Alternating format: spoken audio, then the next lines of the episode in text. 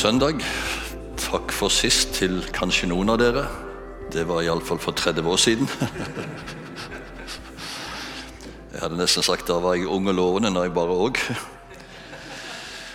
Men jeg har fått nesten et umulig oppdrag i dag, og det er å tale om bønn på en halv time, tre kvarter.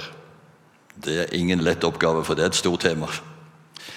Neste helg skal jeg til Søndre Meløy frikirke syd for Bodø og ha én tale på fredagskveld, tre på, søndag, på, nei, tre på lørdag, én på søndag. Fem timer. Og Jeg har en bok her som egentlig er et resultat av 28 timers undervisning jeg hadde om bønn på Ansgarskolen. Og For dere som ønsker å fordype dere mer i dette, så har jeg tatt med noen eksemplarer. For uh, her er det både om hva det vil si å be, hvorfor be, og hvordan be, og hva vi kan be om, og hva som kan hindre oss i å be. Det er en gjennomgang av bønnen i Fader vår. Og Det er også en studieplan bakerst for hvis du vil bruke den i en bibelgruppe.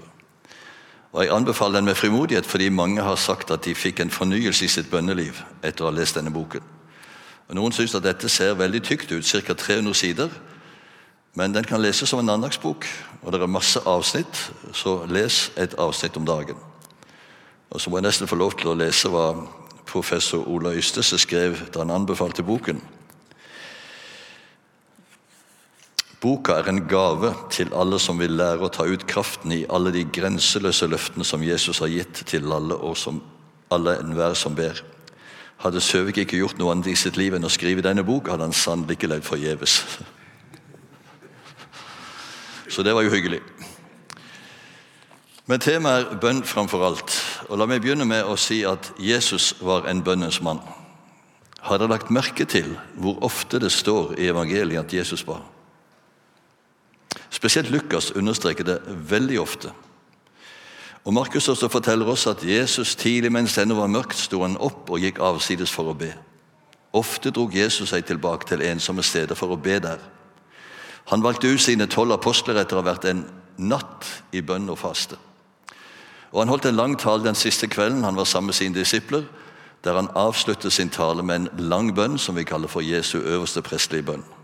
Han ba for sine disipler, han ba for oss. Jeg skal komme tilbake igjen til det. Og Når Jesus holdt sin avskjedstale den siste kvelden Den begynner egentlig i slutten av Johannes 13, 14, 15, 16. Det er så å si Jesu åndelige testamente. Det er så viktige ord at du kunne strekke under nesten hvert vers. Hva er det viktigste? Syv ganger gjentar Jesus i den talen at nå skal disiplene be. Nå skal de få lov til å be. Nå skal de få be i hans navn. Paulus synes å ha lært av Jesus. I alle fall var han også en bønnens mann. Og Bortsett fra Galaterbrevet, der er han sint. Men i de andre brevene så begynner han med å forsikre sine lesere, sine menigheter, at han ber for dem. Han husker på dem i sine bønner natt og dag, og han takker Gud for dem. Og han ber selv om forbønn. Be også for meg Be om at de rette ord må bli gitt meg når jeg skal tale. Be om at jeg må fri, få frimodighet til å forkynne Kristi hemmelighet slik som jeg skal. Og der tror jeg hemmeligheten til Paulus' rike misjonstjeneste ligger. Hallesby sier i sin klassiker fra bønnens verden bønn er det viktigste arbeidet vi gjør i Guds rike, fordi det er forutsetningen for alt annet. Og det vet vi kanskje i teorien. Men når jeg reiser litt rundt i Norges land og ser oppslutning om bønnemøter, så er jeg ikke sikker på at folk egentlig tror det de sier. Da ville de prioritert annerledes. Og Når jeg kommer til steder der de sier at nei, vi, vi har sluttet med bønnemøter, for det kommer ingen allikevel, da blir som regel møtene ganske så tørre og dårlige. For jeg har nesten sagt litt stygt det er to slags menigheter. Det er de som har forventning, og de som ikke har forventning. Og Der det bes, der skapes en forventning. Og der det er forventning, der skjer det noe. Der det ikke bes, liten forventning, da skjer det heller ingenting. Salig er de som ikke forventer noe, de skal ikke bli skuffet. Men nå skal vi lese noen kjente vers fra 1. Timotius 2, vers 1-4. Og Nå har dere forhåpentligvis fått utdelt en disposisjon. Det har dere ikke fått, men det får dere ganske snart. Og Det som er fint med en sånn disposisjon, det er at da kan dere følge med hvis dere vil. Hvis dere ikke vil, så kan dere ta den med og repetere det som er sagt. For min erfaring er at de aller fleste av oss, inkludert meg selv, glemmer 90% innen 48 timer. Nå har du sjanse til å huske litt mer. Og Jeg vil anbefale slå opp disse bibelstedene når du kommer hjem, og repetere og se hva Guds ord sier om bønn. Det er ganske utfordrende og inspirerende. Så er det noen som syns også det er hyggelig å se når det nærmer seg slutten. Og det kan bli en lang tale. Jeg håper dere har god tid. Vi leser fra 1. Timotius 2. Jeg formaner dere fremfor alt til å bære fram bønn og påkallelse, forbønn og takk for alle mennesker.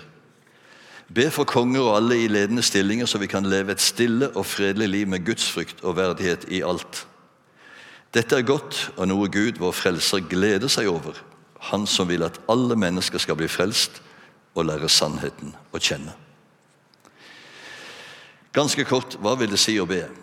Ja, Den grunnleggende bønnen som leder oss inn i bønnens verden, det er den bønnen som den blinde Bartimeus ba da han møtte Jesus ut forbi Jeriko. Jesus spurte hva vil du jeg skal gjøre for deg. Og Han sa at jeg må bli seende. Men først hadde han ropt Kyrie eleison. Herre, forbarm deg over meg. Og Paulus sier i Romene 10, 13 at hver den som påkaller Herrens navn, skal bli frelst. Jeg hadde en samtale med en ung dame for en tid siden. Og Hun hadde prøvd alt i livet for å få fred. Yoga, gestaltterapi, reising, trening, you name it og stadig et urolig hjerte og lengsel etter fred i sitt indre. Så blir mora kristen og kommer og vitner for sin datter hva som hadde skjedd. Først ble dattera sint, men hun så at mora var forandret. Og da mora hadde gått, så forteller hun at hun tok seg en dusj. Og Der hun står i dusjen, så sier hun, 'Jesus, hvis du fins der ute, kom inn i mitt liv og gjør det nytt.' Og det gjorde han der i dusjen. Og jenta er totalt forvandlet. Hver den som påkaller Herrens navn, skal bli frelst. Og Når vi så har kommet inn i denne barnekårets tilstand, så har vi også fått bønnerett. Og Da kan vi komme frem for Gud med alt som ligger oss på hjertet. Og Her nevner Paulus først bønn, eller bønner, som det står i flertall egentlig. Det er bønn om alt mulig. Og I Filippene 4,6 så står det 'vær ikke bekymret for noe', men la alt som ligger dere på hjertet, komme fram for Gud i påkallelse og bønn med takk. Altså Ingenting er for lite, ingenting er for stort for Gud. Han bryr seg om våre detaljer, og alt er mulig for han. Noen sier at vi må ikke bry Gud med småting. Det var to stykker som sto og snakket sammen, og så sier den ene nei, nå vet jeg faktisk ingen annen råd enn å be Gud om hjelp. Og stakkars deg, sånn, er det så ille? Nei, snakk med Gud om alt. Det er ikke noen mindreverdig form for bønn. det.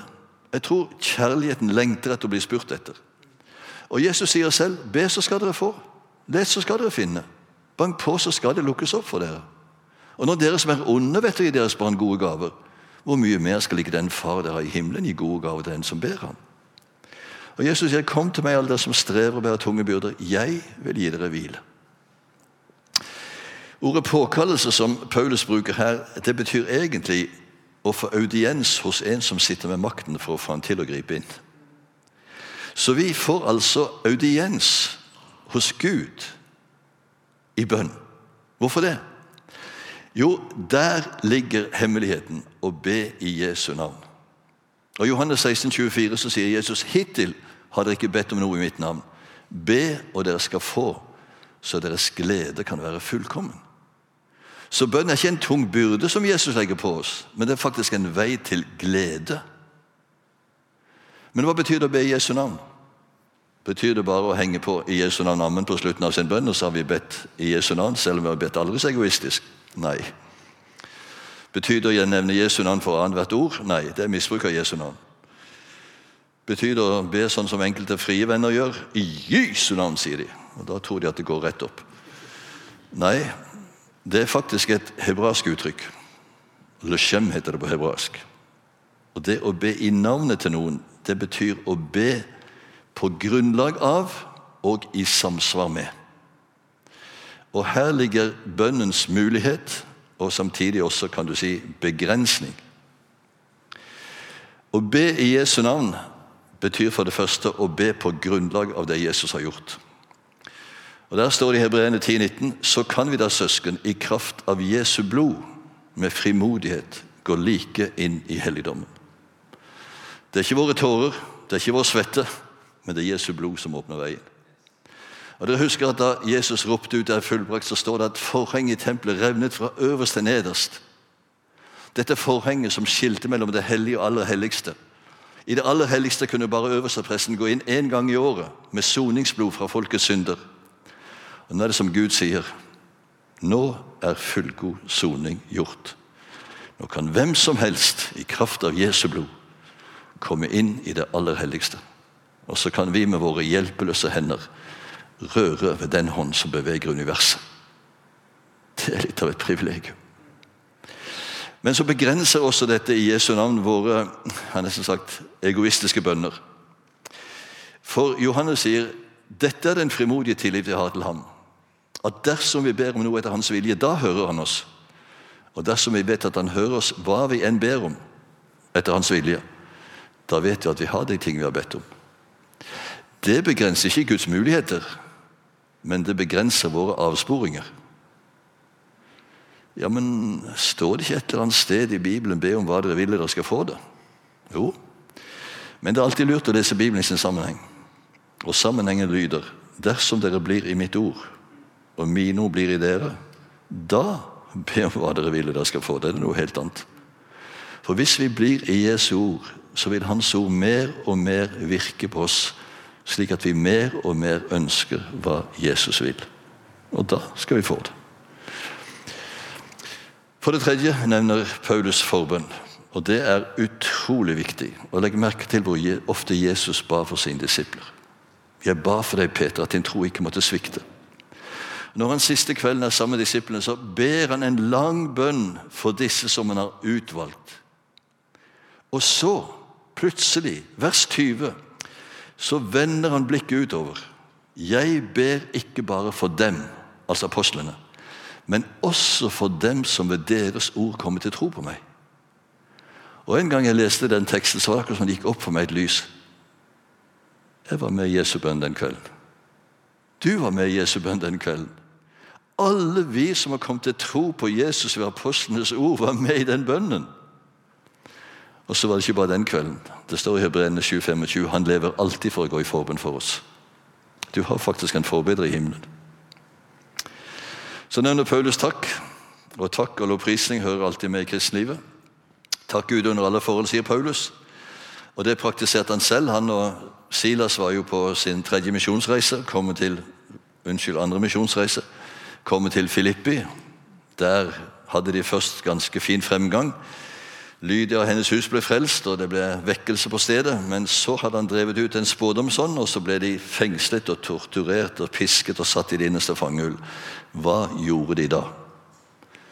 Ved midnattstid holdt Paulus og Silas bønn og sang lovsanger til Gud. Ikke fordi de hadde det godt, ikke fordi de følte det godt, men fordi de visste Gud er god. Og Du ser aldri noen gang i Bibelen at det står 'pris Herren når du føler det godt'. Men det står utallige ganger 'pris Herren, for Han er god'. Hans miskunnhet varer til evig tid. Og så er det Guds storhet og herlighet og kjærlighet og kraft og makt osv. som lovprises. Og når vi begynner å takke Gud under alle forhold, så vendes blikket bort fra problemene opp til problemløse. Og så får vi ny frimodighet. Ser vi bare på problemene, blir vi mismodige. Ser vi på Herren, blir vi frimodige. Og Det som her brevbrevet 12 sier, la oss avlegge alt som tynger, og synden som så lett fanger oss inn, med blikket festet på ham. Det hjelper takkebønnen oss til. Så er det også andre bønneformer. Og vi ble møtt på bønnemøtet i dag med en klagebønn. Og selv om vi skal takke Gud under alle forhold, så har vi også lov til å klage. Og jeg tror faktisk Jeg syns jeg husker at jeg regnet ut at det er 68 av 150 salmer i Bibelen som er klagesalmer. Og Salmisten er sannelig ikke snau når han klager sin nød og sin smerte til Gud. Han roper ut og legger ikke fingrene imellom, hadde jeg nesten sagt. La oss ta f.eks. en kort salme, salme 13. Der begynner salmisten slik. Hvor lenge, Herre, vil du glemme meg for alltid? Hvor lenge vil du skjule ansiktet for meg? Hvor lenge skal jeg ha uro i sjelen og sorg i hjertet hele dagen? Hvor lenge skal fienden ha makt over meg? Og Sånn fortsetter han å klage. Men så, plutselig Men jeg setter min lit til din miskunn. Mitt hjerte skal juble over din frelse. Jeg vil synge for Herren, for Han har gjort vel mot meg. Og Jesus han brukte salme 22 som en av de sterkeste klagesalmene da han hang på korset. Min Gud, min Gud, hvorfor har du forlatt meg? Og så er det 22 vers med ren og skjær klage og rop til Gud i sin nød. Og så plutselig så vender salmen. Men midt i forsamlingen vil jeg lovprise deg. Og Det er et mønster som går igjen så å si i hver eneste klagesalme, kanskje bortsett fra en og en halv. Først utøse smerten, og så huske på hvem er det klagen til? Jo, det er Han som har allmakt i himmel og på jord. Da kan ikke klagen bli det siste ordet. Ordløs bønn. Ja, noen ganger er det godt bare å sitte på Guds fang. Og la Ånden i oss be. Selv Paulus kjente på denne hjelpeløsheten som vi noen gang kan få oppleve. Hva i all verden skal jeg be om? Og Paulus sier i Romen 8,26 at vi vet ikke hva vi skal be om slik som vi skal, men Ånden kommer oss til hjelp i vår svakhet og går i forbønn for oss med sukk som ikke kan uttrykkes i ord. Og Dette verbet å komme til hjelp heter på gresk syn antilombanomai. Synd har vi ordet sammen, symfoni, noe som klinger sammen. Anti betyr i stedet for. Lambanomai ta i med en hånd. Så Ånden går sammen med oss, og når vi ikke kan mer, så går Ånden i stedet for oss. Og så bærer Han våre innerste sukk fremfor Gud. Og Ånden som ransaker alle ting enda til dybden i Gud, han går i forbønn for oss. Og det som han ber om, sier Paulus, det er etter Guds vilje. Så egentlig så er vi ganske godt stillet. Vi har en forbedrer i himmelen, og vi har en forbedrer i hjertet vårt. Som går i forbønn for oss. Og Det er vel derfor også Paulus sier i 1. test 5,17 at vi skal be uavlatelig. Ikke at vi skal gå og mumle ord hele tiden, men vi har altså en hellig ånd inni oss som uavlatelig kan ha kontakt med himmelen. Bære frem usigelig sukk, bli minnet om. Og Når man så får sette lyd på disse usigelige sukkene, så blir det tungetale. Det kunne vi talt om en annen gang, men jeg får bare si det nå. Men hvorfor be? Det var spesielt det jeg ville snakke om i dag. Jo, når vi ber, så lukker vi Jesus inn. Og Det er jo også Hallesbys berømte definisjon på bønn. Å be er å lukke Jesus inn. Først og fremst til frelse, men også til alle andre forhold i livet vårt. Og Jesus sier, 'Se, jeg står for døren og banker'. Om noen åpner døren, så vil jeg komme inn og holde måltid. Jeg med han og han med meg. En britisk maler som het Holman Hunt han malte et berømt maleri som henger i St. Paulskatedralen i London. Og Det finnes mange kopier rundt forbi på norske bedehus. Men det er et bilde der Jesus står og banker på en overgrodd dør med eføy som henger ned. Og Da du, dette berømte bildet ble avduket, så er det en som bemerker ja, men kjære deg, Holmen, du har glemt å male klinke på døren. Nei, sa Holmen. Det er helt bevisst. Den døren kan bare åpnes fra innsiden. Det er vi som må si 'Jesus kom inn'. Og Når Jesus kommer inn, så kommer han med frelse og nytt liv. Og som jeg sa, Når vi har fått barnerett, har vi også fått bønnerett. Og Hver den som påkaller Herrens navn, han skal bli frelst. Og Når Jesus kommer inn i våre liv, så vil han for det første lede oss. Og Dette er et veldig spennende og vanskelig punkt, egentlig. Men det finnes mange mange løfter i Bibelen at han ønsker å lede oss. Jeg vil lære deg og vise deg den vei du skal gå. Jeg lar mitt øye hvile på deg og gi deg råd. Men skal han få lede oss ved sitt øye, så innebærer det selvsagt at vi må ha øyekontakt. Og Det står en beretning i Lukas 10 om Martha og Maria som fikk besøk av Jesus og disiplene. Da gjorde jo Maria det mest naturlige av alt. Hun satte på kaffekjelen og tok opp noe fra frysen og begynte å stelle i stand mat. Maria satte seg ved Jesu føtter. Og Nå har jeg hørt en del predikanter som har forsvart Martha og sagt at hvis alle hadde vært som Maria, så hadde ingenting blitt gjort i denne menigheten. Det er godt vi har Martha også. Det er ikke det som er poenget. Poenget er først å sette seg ned ved Jesu føtter, og så tjene Jesus. Men vi begynner ofte som Martha. Gjør oss strev og uro med mange ting, og så ber vi om at Jesus må velsigne det vi har funnet på. Det er ikke sikkert at det var noe han ville, men vi kjørte i gamle spor og gjorde sånn som vi alltid hadde gjort. Og Det som var litt tankevekkende, jeg leste det, av og til sjekker jeg grunnteksten, det står egentlig at Marias sinn var dratt i mange retninger ved å tjene Jesus. Per Jesper Jesperto dratt i mange retninger. Så har du mista hovedretningen inn til Jesus. Og Jeg tenker kanskje nå denne pandemitiden Jeg har av og til snakket med folk jeg håper vi snart skal komme tilbake igjen i de gamle formene. Er det så sikkert? Skal vi tilbake i alt det gamle? Eller skal vi spørre Gud er det noe nytt du vil vise oss nå?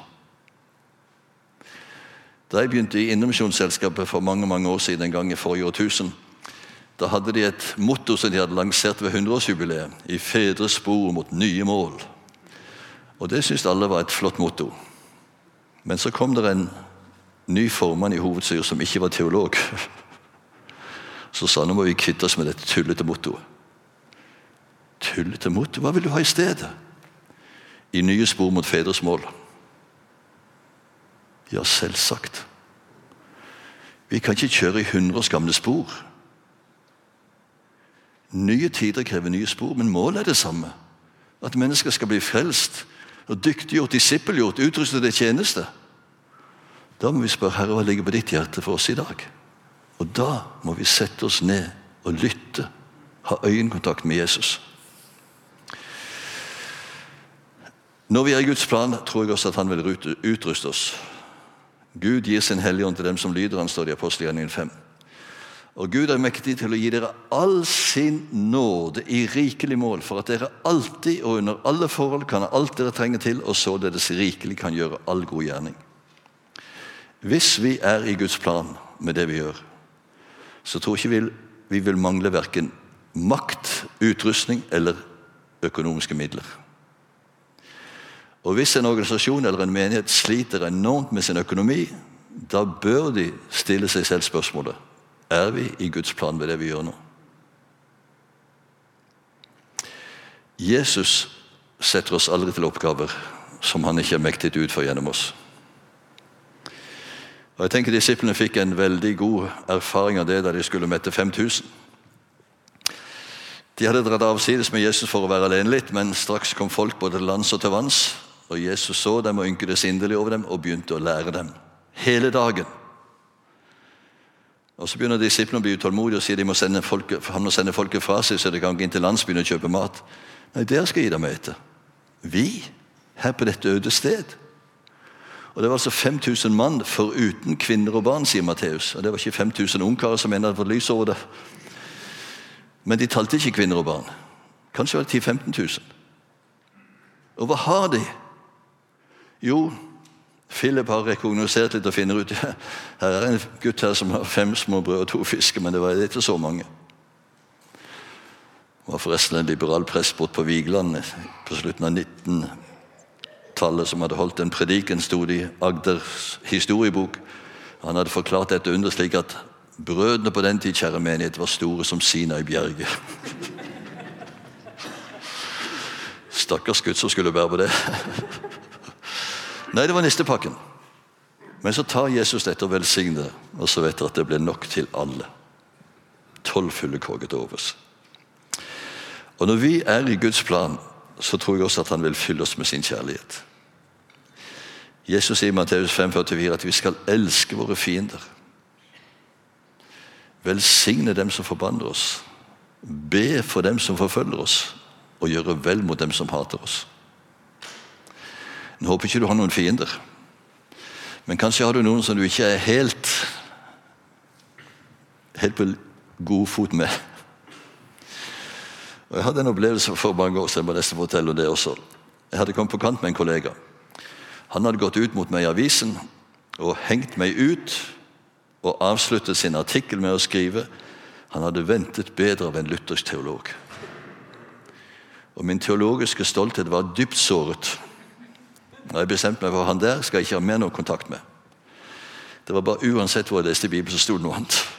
Jeg skulle elske han, bære over med han, tilgi han, strekke meg langt osv. osv. Dette ble etter hvert så vondt for meg at jeg tok kontakt med en sjelesørger og sa hva skal jeg gjøre? Jeg kan i grunnen ikke tåle han. Jeg går omveier for å slippe å møte han.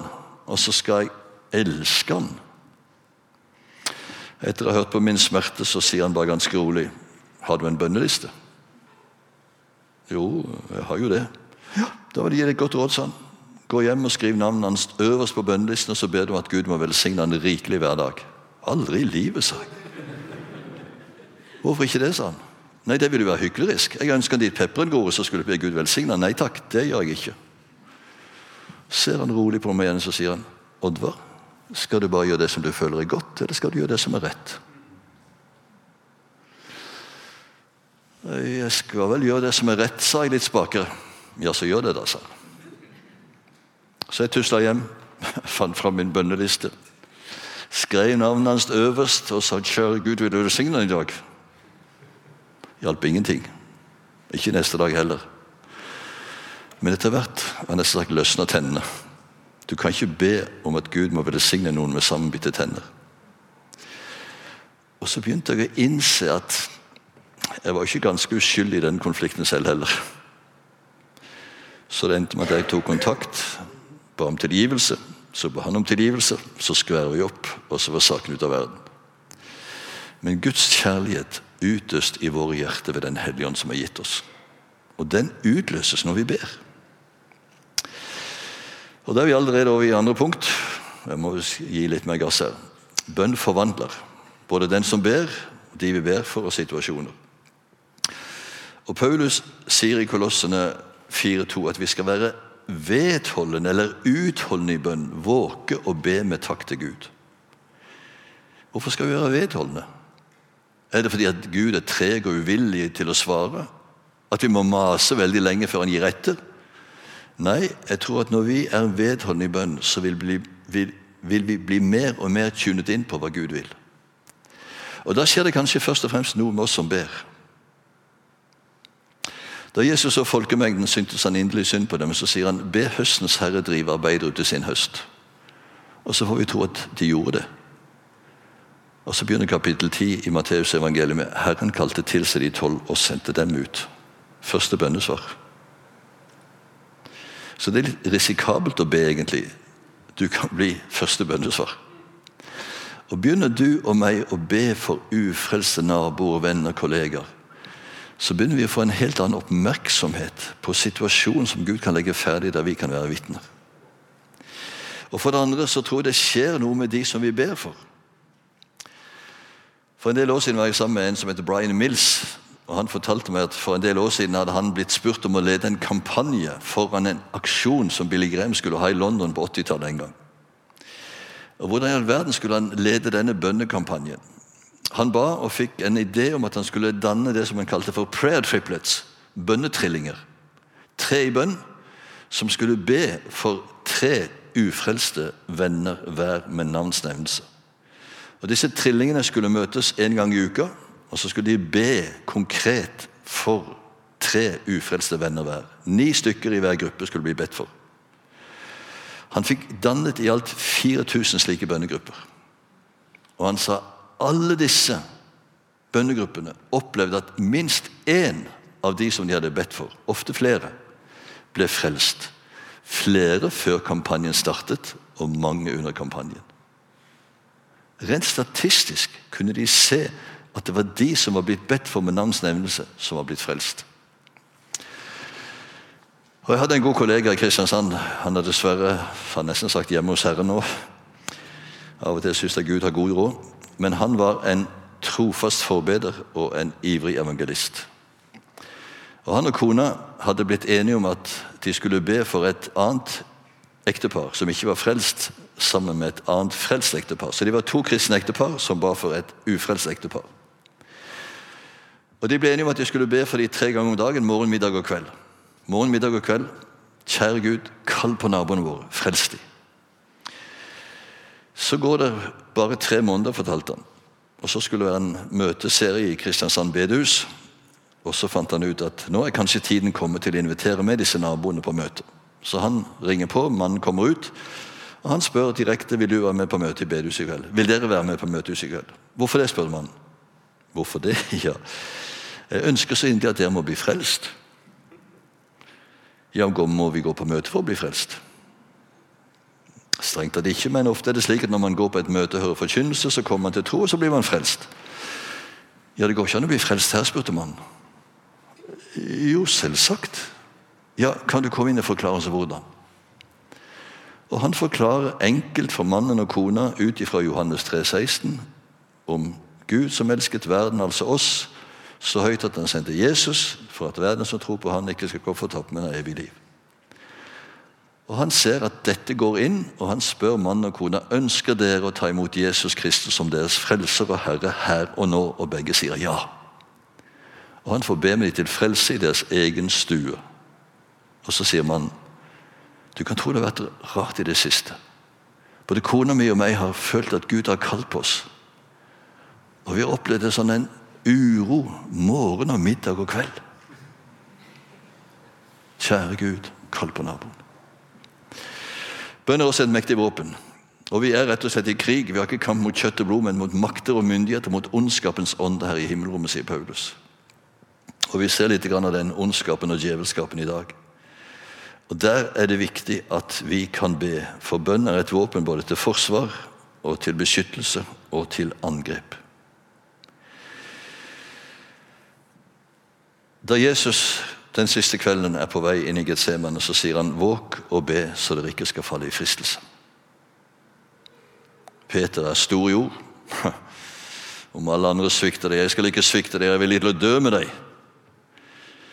Men som det står i søndagens tekst i dag, de sovnet alle disse tre. Peter, Jakob og Johanne, som Jesus hadde tatt med inn i Getsemanehagen for å våke sammen. Tre ganger går han tilbake igjen og finner dem sovende. Og denne Peter som hadde lovt at han var villig til å dø med Jesus, han står en stund etterpå og banner på at han ikke kjenner Jesus. Hadde det skjedd hvis de hadde våget i bønn? Står djevelen imot, og han skal fly fra dere, sier Jakob. Vi kan også be om eh, Nei, har jeg hoppet over faktisk punkt. Situasjoner, ja. Unnskyld, jeg gikk litt for raskt her. Bønn forvandler situasjoner. Les apostelgjerningen 12 om eh, når Peter er i fengsel. Jakob hadde blitt halshogd. Peter er i fengsel. Han ligger og sover mellom to romerske soldater lenket til begge sider. Og han vet at neste dag skal han halshogges.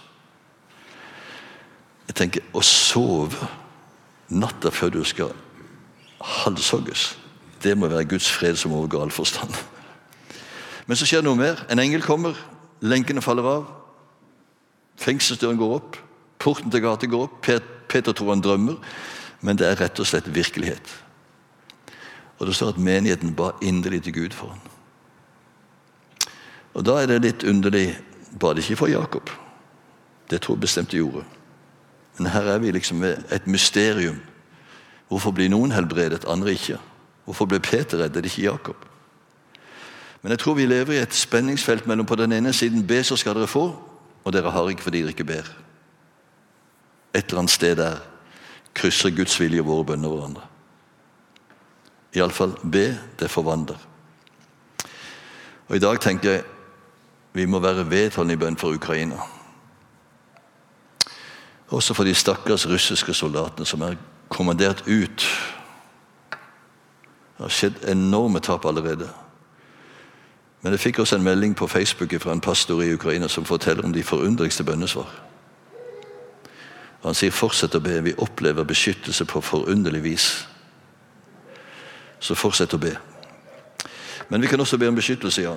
Og Paulus han hadde fått flere budskap på vei til Jerusalem. At i Jerusalem ventet han trengsel og motgang, men han visste han måtte til Jerusalem, og han ber om forbønn. Han skriver til romene Kjemp sammen med meg ved å be til Gud for meg. Be om at jeg må bli berget fra de vantro i Judea. Så kommer han til Jerusalem. Og Noen hadde sett han at han var ute og gikk i gatene med en som het Trofimus, en hedning, etter jødisk oppfatning. Og Så trodde de at han hadde dratt med seg Trofimus inn i tempelet. Og så ble det oppstandelse. Noen kjente Paulus igjen, og de holdt jo på å rive han i filler. Men kommandanten grep inn og fikk reddet han ut av folkemengden. Og Så er det 40 jøder som er så forbitret på Paulus at de sverger på at de skal ikke smake verken vat eller vann før de har tatt livet av han. Men dette kommer en nevø av Paulus for øre, og han går til kommandanten og sier fra. Og Paulus blir sendt om natten ned til Cesarea ved havet, ledsaget av 200 soldater, 70 ryttere og 200 lett bevæpnede menn. Ble han berget fra de vantro i Judea? Ja. Også er bønn også et angrepsvåpen. Når vi leser kriger og krigsberetninger i Det gamle testamentet, så er det ofte grufull lesning. Men jeg tror en del av disse beretningene kan vi lese som en illustrasjon, et bilde på den åndskamp vi står i. Våre fiender er aldri, aldri mennesker, men åndsmakter. Men israelfolket de hadde rent fysisk fiender. Og når de hadde kommet ut av Egypten gjennom Rødehavet over på andre siden, så møter de altså amalekittene. Et nomadefolk som levde av krig og plyndring og herjing. Og så sender Moses Josva ut i striden. De hadde sikkert ikke mye krigserfaring. De hadde laget murstein hele sitt liv. Men han tar med seg Aron og Hur og går opp i fjellet for å be. Og Da gikk det slik at så lenge Moses holdt hendene løftet, så hadde israelitten overtaket. Men så begynte hendene å synke. For det å be det kan være hardt arbeid. Men så kommer Aron og Hur og støtter hendene hans og holder de støde helt til kvelden. Og slik vant Josva en veldig seier over amalekittene, står det i Bibelen. Men jeg har skrevet i margen hvor ble striden avgjort? På sletten eller på høyden? På høyden. Og Av og til når jeg leser denne elendige avisen som vi har i Kristiansand, som heter Feven, så er det hver fredag og lørdag lange spalter med annonser og møter. Gudstjenester, møter, svære annonser. Så jeg har av og til spurt meg selv hvor mye skjer på disse møtene? På disse gudstjenestene? På disse samlingene? Blir det enda et møte til møteavholdelsens fremme? Eller blir mennesker frelst? Blir mennesker fornyet? Blir mennesker helbredet? Blir mennesker oppreist? Eller går de ut akkurat like andan som de kom inn? Er det fordi det svikter i høyden? Dere har ikke fordi dere ikke ber. Jeg var på en konferanse for mange år siden, og der var det en professor som het Edvin Orr. Han hadde tatt doktorgrad på vekkelseshistorie de siste 200 år. Han hadde undersøkt vekkelser over hele verden de siste 200 år. Og han sa det er et vitenskapelig, historisk faktum that history is silent about any revivals that didn't start with prayer. Historien er taus om noen vekkelser som skulle ha startet uten forutgående bønn. Alle vekkelser, per definisjon, har startet med at mennesker kom sammen for å be. Og Kort eller lenge tid så kom vekkelsen. Og Vi trenger en vekkelse i Norge, men da trenger vi sannelig også en bønnevekkelse. Det får lese de andre skriftstedene når de kommer hjem. Nå begynner det å bli slitne. Da skal vi stoppe ved at bønn gir hvile. Kom til meg, alle som strever med tunge byrder, jeg vil gi dere hvile, sier Jesus. Og så føyer han til noe som jeg ikke forsto før lenge, lenge etter at jeg var ferdig med mitt teologiske studium. Ta mitt åk på dere og lær av meg. For jeg er ydmyk og tålsom av hjerte. Så skal dere finne hvile for deres sjeler. Og Når jeg så får meg åk, så tenker jeg sånn et åk som min onkel hadde for skuldrene og bar vann i to bøtter til kyrne. Det var veldig tungt. Men så så jeg at det ordet som er brukt, det betyr faktisk et dobbeltåk. Som man la over to okser når de skulle pløye sammen. Og Da tok man gjerne en stor, sterk, kraftig, erfaren okse og satte sammen en ung okse som skulle læres opp. Og Det bildet Jesus bruker, er faktisk at han er den store, sterke oksen. Og Så sier han, 'Kom og gå i åk sammen med meg'. Han vet veien. Han har kraften. Da kan du finne hvile. Overlat deg til Herren. Og Det er trygt å vite at alt står i Guds faderhånd. Hva Han vil, det gjør Han sånn. Og I Jesaja 63 står det at midt i deres trengsel var det ingen trengsel, for Herren løftet dem opp og ba dem. Alle dager, like fra eldgamle tider. Jo da, vi kan ha trengsel, men i Guds hånd er vi likevel trygge. Der kan vi hvile. Og Så nevnte jeg dette bønn med takk. Det står ikke 'legg alt frem for Gud i påkallelse og bønn og takk', men med takk. Og Det lærte jeg også en gang på en konferanse for mange år siden, der Corrie ten Boom skulle tale. Dere kjenner kanskje navnet og har skrevet et par bøker som har kommet på norsk. 'Skjulested' og 'Landstryket for Herren'. Men hun hadde med seg en bag for å illustrere dette. Og Hun tok fram bagen og løftet den opp på prekestolen. 'Å, dette er alle mine bekymringer', sa Og Nå står de i Filippene 4-6 og skal legge de fram for Gud. Så dukka hun ned og så fikk hun tak i en langstrømpe. 'Kjære Gud, hva skal jeg gjøre med dette problemet?' Ingen ende på det. La den på talerstolen.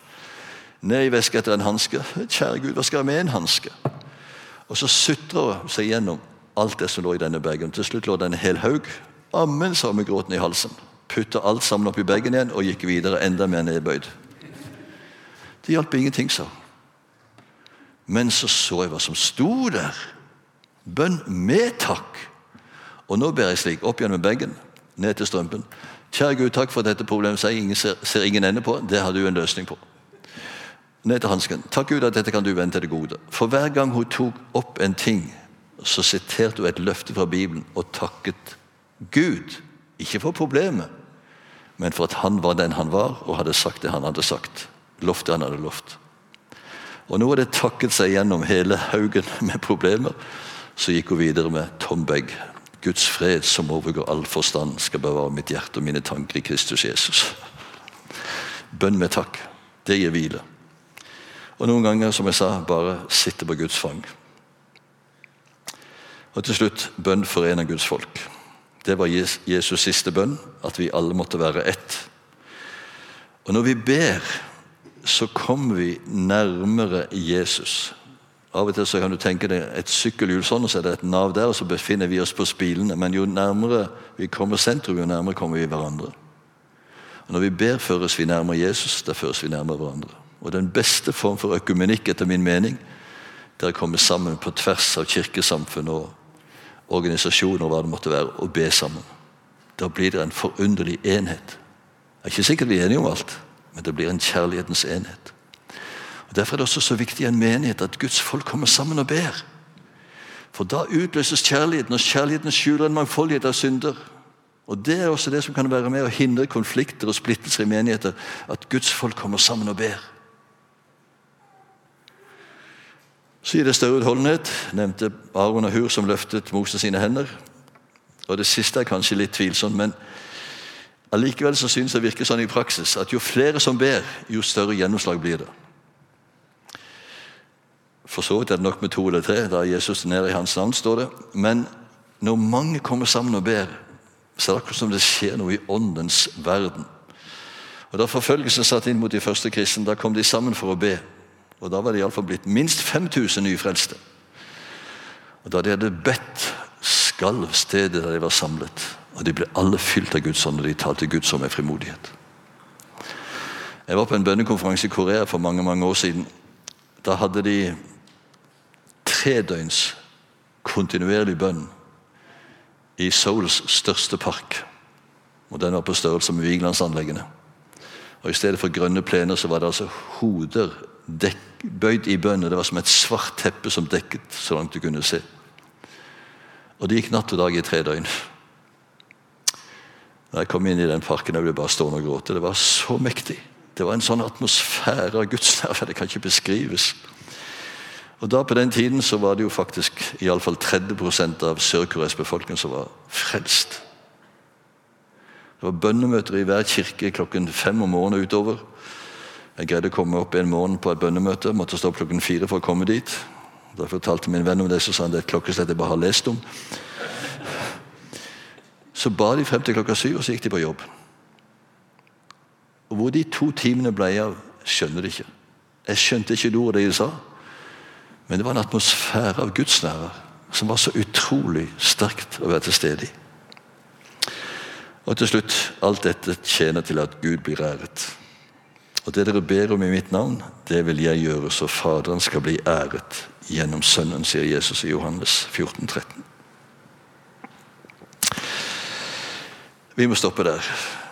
Men jeg håper at jeg ikke har tatt motet fra dere, men forhåpentligvis inspirert til mer målrettet bønn. For der vi ber, der åpner vi for Herrens nærvær. Og da kan hva som helst skje. Men så vet jeg også at dette med å be det kan være tungt, det kan være vanskelig, det kan bli tørt. Og Jeg har vært inne i tider, og er det for så vidt nesten nå også, men jeg syns det blitt litt mye rutine så jeg har begynt å be en bønn som jeg har lyst til å be for dere nå. Og Hvis dere vil reise dere, så vil jeg lede i bønn til slutt.